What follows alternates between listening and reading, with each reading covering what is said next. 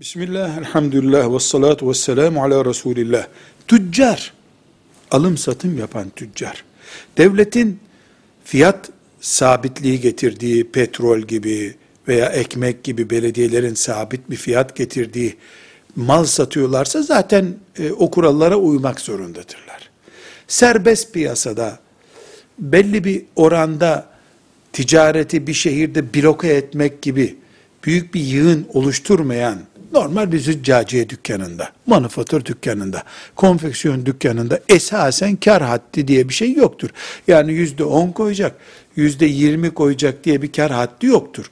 Ama piyasayı etkileyen, kara borsa oluşturan nitelikteki bir ticaret şüphesiz fahiştir. Şüphesiz mümin kültür açısından kabul edilebilir değildir. Normal beş tane tüccaciyeci var şehirde. beş tane manifaturacı var. Züccaciyeciler, manifaturacıların bol olduğu bir yerde bir züccaciyeci yüzde otuz, öbürü yüzde kırk kar koyarak satış yapabilir mi? Yalan, hile, dalavara yapmadığı sürece serbesttir. Çünkü insanlar onun züccaciye dükkanından mal almayınca hayat durmuyor. Öbür dükkana gidiyorlar. Yani bir daraltma yok piyasayı.